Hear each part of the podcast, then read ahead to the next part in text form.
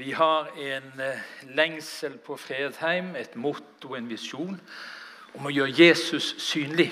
Han som er verdig. Han alene som er verdig.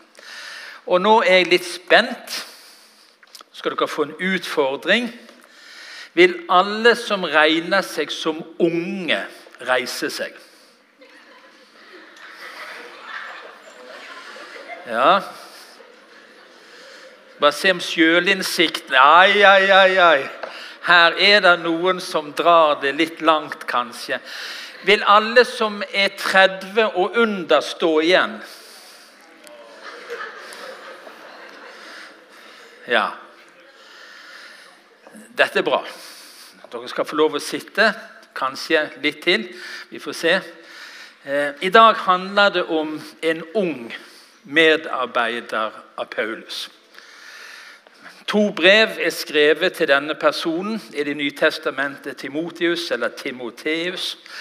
Alt etter hvor du legger trykket. Og Jeg sa for 14 dager siden at brevet til Filemon, som vi underviste ut ifra da, er det eneste brevet skrevet til en privatperson. Og så er det altså to brev til Timoteus og ett brev til Titus, som altså er adressert til privatpersoner. Så kanskje tenkte noen forrige gang at han driver med vranglære. Sånn som eldstebroren drev litt med vranglære her innledningsvis. At det blir lysere om kvelden. Og blir det ikke mørkere? Blir det lysere? Var det meg? Jeg forstår aldri det der. Beklager, Tore. Jeg kunne tvile på deg. Jeg syns du går helt i surr med de der greiene med men ok, nå var det dette med brevet da, til Filemon, som var et personlig brev. Men det er et litt annet fokus i brevene til Timotius og til Titus.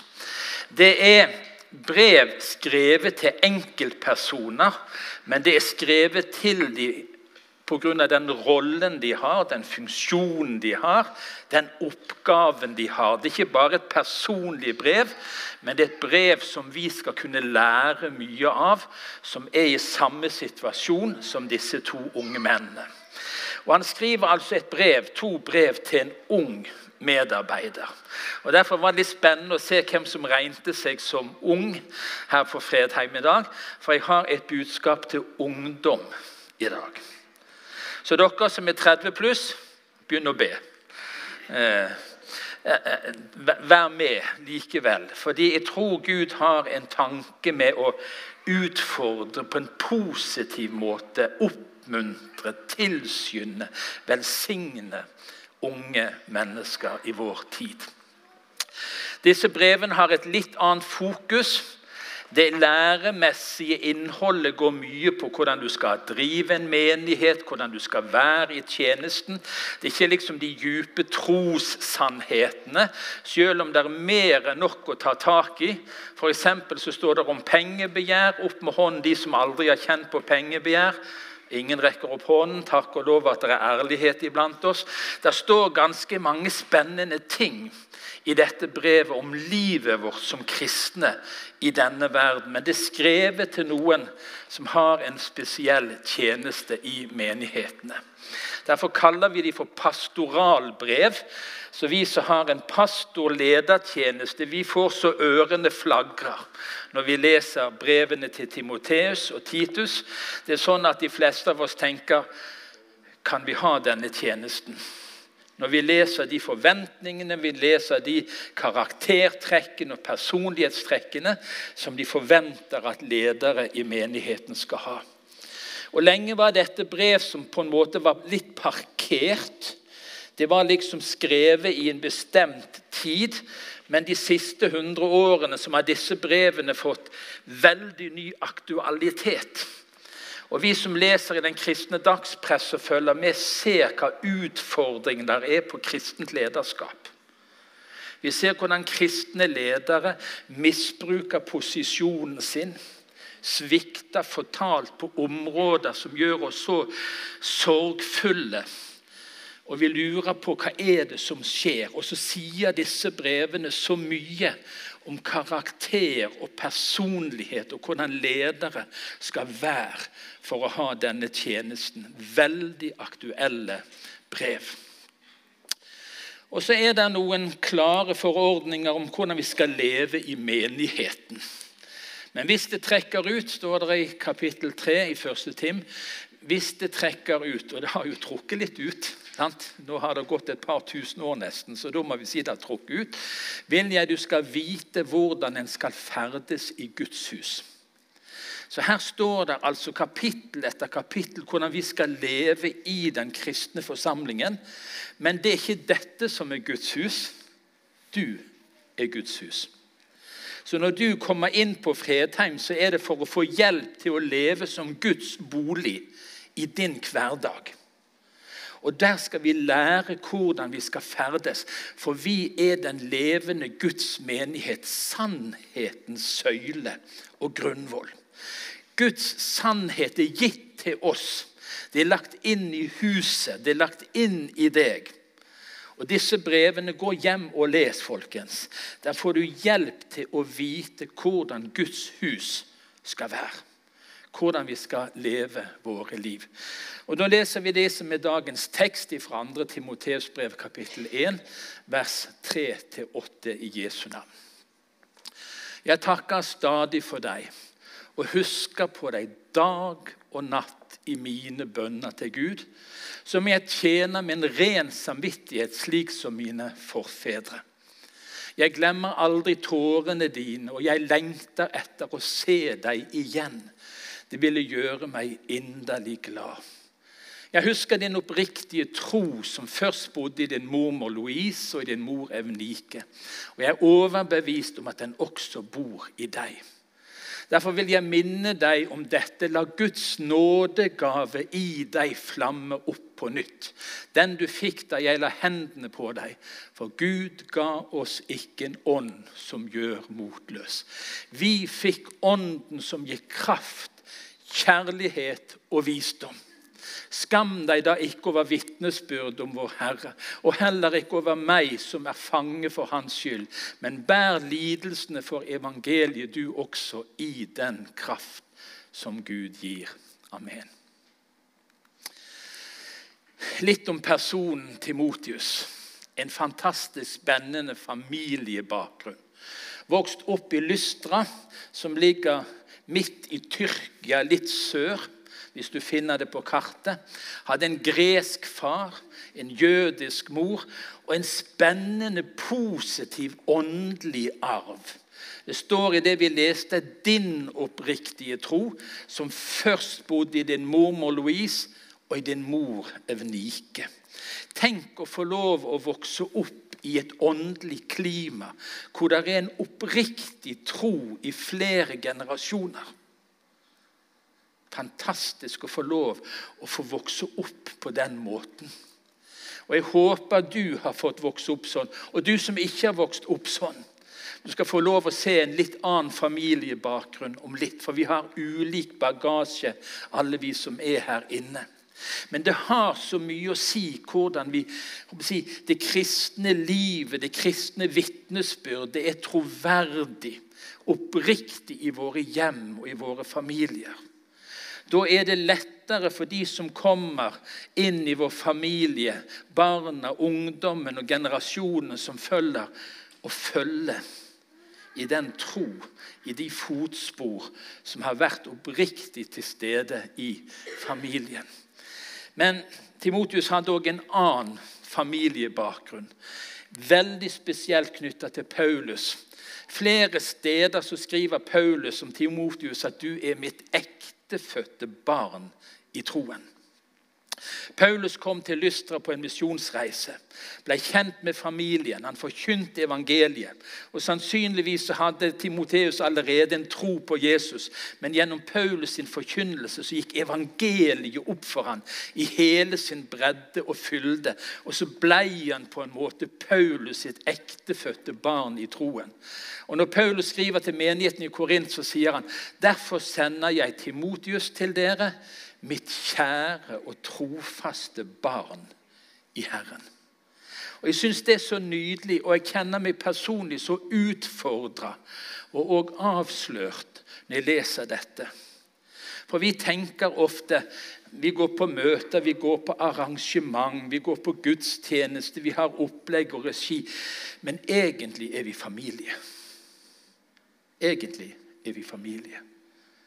Åndelige mødre, åndelige fedre, åndelige barn. Og Nå reiste det seg en ganske stor flokk på 30 og under. Så dere 30 pluss det?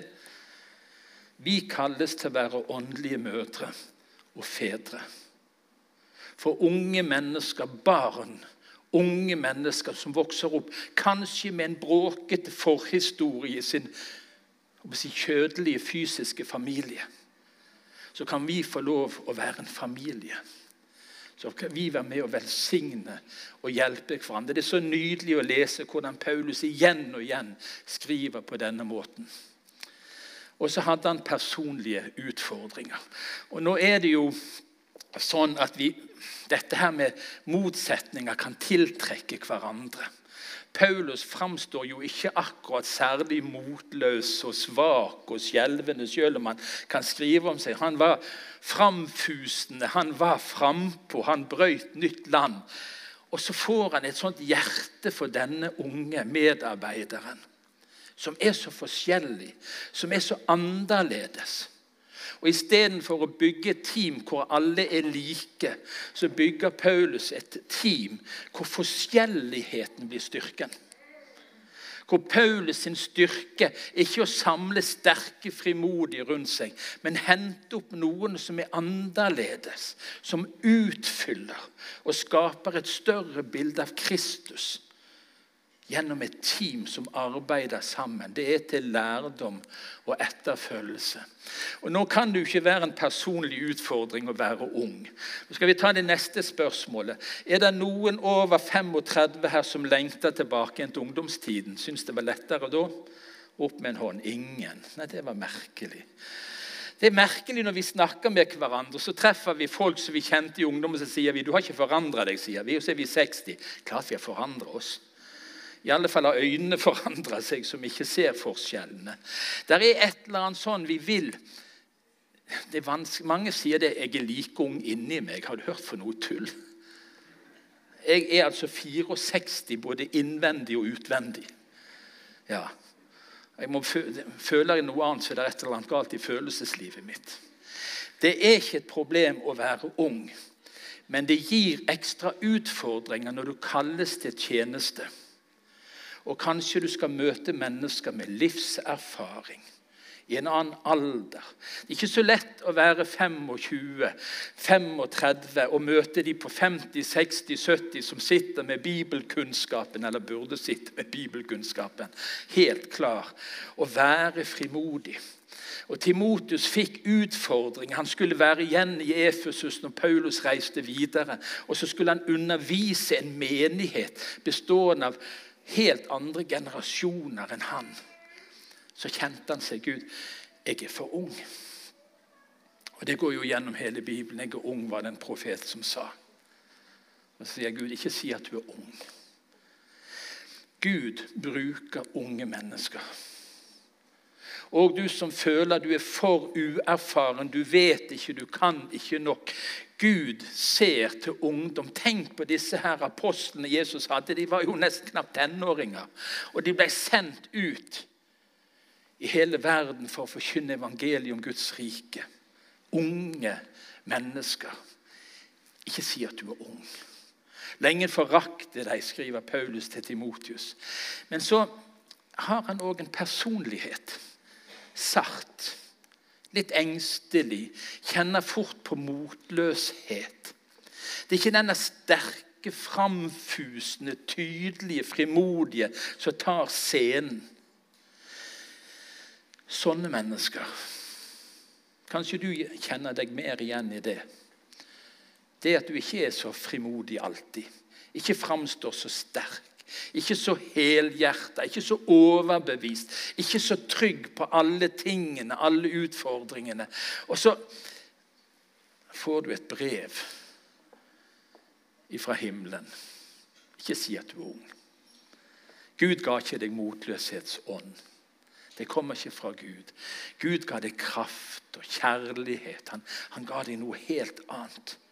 Gud bruker mennesker som er forskjellige, for å speile Hans nåde rikere og klarere. For Av alle Paulus sine nære, gode medarbeidere så står Timotius i en særstilling. Han var med på reiser. Han fikk egne oppdrag. Bli igjen, reis, forkynn, formidl. Eh, bety en forskjell. Han er omtalt som medforfatter av flere av Paulus sine brev. Når Paulus skriver, så tar han Timotius med seg som en av de som skriver sammen med han. Men du har fulgt meg i lære og livsførsel, i holdning, tro, tålmodighet, kjærlighet, utholdenhet og i forfølgelser og lidelser. Og Noen av de mest triste avsnittene i Det nye testamentet står i Timotius-brevene. Der står om de medarbeiderne som forlot Paulus. Om den ene står at Demas forlot meg. Han har fått kjærlighet til den nåværende verden. Men Timotius var en av de som sto med når Paulus var på høyden og forkynte frimodig, når Paulus var i fengsel og lenka for evangeliets skyld, så var Timotius der hele tiden. Og Det var en sånn åndelig kontakt mellom disse to som er helt spesiell. Mellom han som i andre Timoteus brev, noe av det siste han har skrevet, på en måte forteller at han har kjempet, han har stritt. Men nå er Timotius igjen og skal fortsette å gå neste etappe med evangeliet. Og så ble han kalt til tjeneste. Han kalt til å følge. Det var et begynnende sted. Det var en dag i Timotius sitt liv da Guds kall nådde han personlig. Og så var han motløs. Så kjente han mot motstand. Og så skriver Paulus til han, La Guds nådegave i deg flamme opp på nytt den du fikk da jeg la hendene på deg. Det står både at Paulus la hendene på han, og at Eldsterådet la hendene på han. Og Dette var med å utløse et kall til tjeneste. Og du som er ung på Fredheim i dag En dag kalte Gud deg først og fremst å bli hans barn.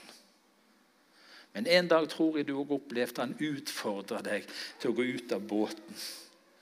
Til å gå på vannet gå på bølgene, tjene Han. Være med og bety en forskjell. Og så har du kanskje opplevd at det ble for tøft, det ble for krevende. Og så har det falma, og så har det sløves ned. Og så kommer det en hilsen fra Gud til deg. La nå nådegaven flamme opp igjen. Ikke gi opp. Ikke stans. Og Nå gjelder det deg på 40, 50, 60, 70, 80 år. Sant? En gang la Gud en nådegave ned i deg. En dag. Og så ber han deg i dag la det flamme opp på nytt igjen. Ikke stans, ikke stopp. Ikke la det dø ut. Vær med. Gjør det ferdig. Og Så skriver han til han, gjør din gjerning som evangelist. Fullfør din tjeneste. Timotius hadde i alle fall én nådegave, sannsynligvis flere. Og en av dem var å være evangelist og forkynne evangeliet. Gjør gjerningen din. En dag skal vi alle stå til regnskap for Han som er så glad i oss, som elsker oss så høyt, vår gode himmelske Far. Men han ga oss òg et oppdrag, han ga oss en nådegave. Og en dag skal vi komme foran ansiktet, og så Jeg fullførte det. Jeg hoppet ikke av underveis. Jeg stoppet ikke. Og Ganske tidlig i unge menneskers liv kan det komme utfordringer som er så krevende. Vi merka det, vi snakket litt om det i staben for noen dager siden, om disse utfordringene når vi skifter liksom fra tenåring til ungdom, ungdom til voksen. Vi flytter og studerer. Og så er det så mange som underveis mister fokus. La nådegaven flamme opp igjen. Ikke la nådegaven dø ut. Fullfør tjenesten, det kallet som du fikk. Og Nå kommer et ord til dere. Nå, nå tar vi de 30 og ned først. Er det greit? Nå gjelder det til dere. Det er flott å ha dere litt samla her. sånn. Eh, la ingen forakte deg fordi du er ung. Og så kommer det en fantastisk utfordring. Men vær et forbilde for de troende i ord, livsførsel, kjærlighet, tro og renhet. Hvordan kan den unge holde sin sti rein, skrev David. Det er gammelt, dette her. Det er ikke lett å være ung og holde sin sti rein. Og det er ikke lett å være 60 heller og holde sin sti rein. Ved å holde seg til Guds ord. Du som er ung, la ingen forakte deg. Det er et eller annet med ungdommens iver. Det er et eller annet med ungdommens pågangsmot. Vi som har kommet opp i årene, tenker ja, ja, ja, det høres litt vel modig ut og litt vel frimodig ut. Må de roe seg ned litt? Vi har vært unge, vi òg. Ja da, det var andre tider før. Men vi trenger unge mennesker som sier 'Jeg går for Jesus'. Jeg går for Jesus som våger å være et forbilde, som ikke fanges inn i materialismen som jag etter tomhet og vind, men som våger å være radikale, som våger å pirke oss og si syns det sløvner. og Jeg husker ennå en kom inn på kontoret mitt når kontorene var der inne i stuen holdt jeg på å si, og sa pastor, denne boken trenger du. Jeg føler du har sløvna litt på et område. Ja, og Det var helt sant, og det var en hard bok å lese. For det traff så tydelig en radikal ungdom som tørde å utfordre pastoren sin og si du trenger en utfordring. Jeg er så takknemlig for at unge mennesker våger å være forbilder. Vet du at du er kalt til å være et forbilde? I tro, i livsførsel, i kjærlighet, i renhet. Og Er det noe dere da trenger som er ungdom, det er noen som hegner rundt dere. For var det tøft å være ungdom før? Vi sier jo at alt var bedre før. Nei, det var, det var iallfall annerledes. Men det er ikke lett å være ung i 2022. Det raser på med inntrykk. Område etter område blir det satt spørsmålstegn med, som var helt selvsagt før. Du utfordres. Er det sant? Kan jeg tro det? Kan det være det beste? Det er ikke enkelt å være ung. Og la oss voksne eldre være der for de som er unge. Sånn de kan våge å stå i spissen og være i fronten og våge å fullføre sin tjeneste med evangeliet. Og så gjelder det oss alle. At alle som vil leve et gudfryktig liv i Kristus Jesus, alle, skal bli forfulgt. Skal vi si takk og lov? Nei, det gjør vi ikke. Dette utfordrer oss. Men det normale for en kristen er ikke statsstøtte og klapp på skuldra for kommune og myndigheter. Det normale for en kristen det er at folk ikke forstår, ikke aksepterer, ikke liker alltid. Og det kan være ulike former for utfordringer. Forfølgelse, mistro, mistenksomhet. Hvem er disse folkene? Alle vi. Og jeg tror dere som er unge, kommer til å få det tøffere enn meg som nærmer meg slutten på min tjeneste. Jeg tror dere har utfordringer som vi kanskje har sluppet unna lettere. Kjære Gud, må dere bli stående, våge å stå der. Ikke miste frimodigheten. Være forbilder òg for oss som har levd lenger. Så står det flere ganger i disse brevene at Timoteus har fått et oppdrag. Det er noe han skal gjøre, det er en plan, det er noe han skal gjøre, og det må sjekkes opp. Han har på en måte fått et oppdrag. Ta vare på oppdraget.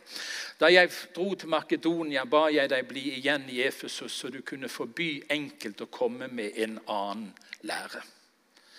Og Begge brevene til den unge Timotius utfordrer Timotius til å holde fast på Guds ord og sannhetene. Du vet hvem du har hørt av, Timotius. Det er mange nye stemmer, det er mange nye retninger, det er mange som vil påvirke deg, men du må holde fast. Du må ikke slippe til en annen lære enn ordets klare, evangeliets klare budskap. Du må ikke slippe til. Det er en kamp. Den gir seg utslag på forskjellige måter. Gjerne ikke så aktuelt for oss som myter og slektstavler. Jeg hadde oppe slektstavlen for ikke så lenge siden, for det er oppbyggelig å lese hvordan det var personer i Jesus' slektstavle som Det er ikke noe å skryte av, men Gud brukte de likevel på forunderlig vis. Det var en Ruth der som kommer fra en hedningebakgrunn, men som kom inn i Davids-slekten og fikk en betydning. Men det er noen som begynte å lese og følge med på all verdens teorier. Utregninger og all verdens merkelige ting. Glem det, sier Paulus. Det er de som begynner å blande loven og misforstå loven og evangeliet. og Blande det og sause det sammen. Det var de som svikta i etiske spørsmål. Noen gikk for langt i forbud. Det var nesten ikke, det var ikke lov å gifte seg. og All mat og drikke og alt ble ureint. Eh, de gikk til den grøften. Men så var de sa du trenger ikke bry deg om noen ting. For kroppen har ikke noe betydning. Hva du tar inn, har ikke noe betydning. Og så må Timotius møte disse utfordringene i menigheten. Det er noen som sier du skal på en måte i en falsk åndelig gi avkall på både det ene og det andre. Det er en, en haug med ting. Det er råd om bønnens sentrale plass i menighetslivet. Det er så utfordrende ting om kristent lederskap. Det står i kapittel 3 i 1. Timotius brev om hvem som kan være tilsynsmenn. Og Det står om karaktertrekk og personlighet som gjør at alle vi som leser det, tenker kjære Gud, kan jeg våge å stå fram som leder når, når dette er det du forventer av oss som skal være leder i den kristne forsamlingen. Men vi ser hvor viktig det er, fordi den personligheten som beskrives gjennom disse brevene og kapitlene til Timoteus, det er personer som ikke svikter når det gjelder. Som tåler de utfordringene det er å lede. Og Derfor er det så viktig òg i vår tid å lese det. Og kjære folk, det står om pengebegjær. Sånn at vi langskjems, de fleste av oss som leser det, det står ikke at pengene er en rot til alt ondt, men det står at kjærlighet til penger er en rot til alt ondt. I vårt velstandssamfunn på toppen av pyramiden så utfordres vi. Og Timotius må gå inn og formane og forkynne. Og ikke minst så står det om ta vare på det du har lært. For du vet hvem du har lært av. Hele Skriften står der er innånda av Gud og nyttig til opplæring, rettferdighet. Altså, hele Bibelen, hele Guds ord, er troverdig. Og dere som er unge og skal forkynne i en ny tid, vet du hva? Ikke vær mismodig. Det er så klokt, det som står der. Det er så klokt. Det er så livsbejaende, det er så livsbekreftende. Alt det vi hører som går imot Guds ord, du lurer på hvor kan de ta det fra? Hva velsignelser kan det føre til når barn i barnehagen på tre-fire år skal lure på hva kjønn de er?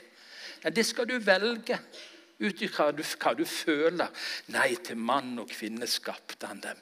Der ligger en velsignelse. og Det samsvarer med ekte og sann vitenskap. Det, på område etter område utfordres dere som er unge. Men les og lær. Det er så velsigna, det som står. Det er så klokt. Det treffer livet i sånn som det oppleves, og sånn som det leves, òg i 2022. Forkynn ordet. Stå klar i tide og utide. Vis til rette, tal til tukt og tal til trøst med all tålmodighet og iherdig undervisning. Det er det vi har, folkens. Du som er ung, vi som er voksne, vi som etter hvert begynner å bli gamle. Vi må forkynne ordet. Stå klar i tide og i utide. Vis det rette, tale til tukt og tale til trøst med all tålmodighet og iherdig undervisning. Hvor er du? Jeg så en tegning som jeg ikke fant, av en som følte at Gud ikke snakket til han.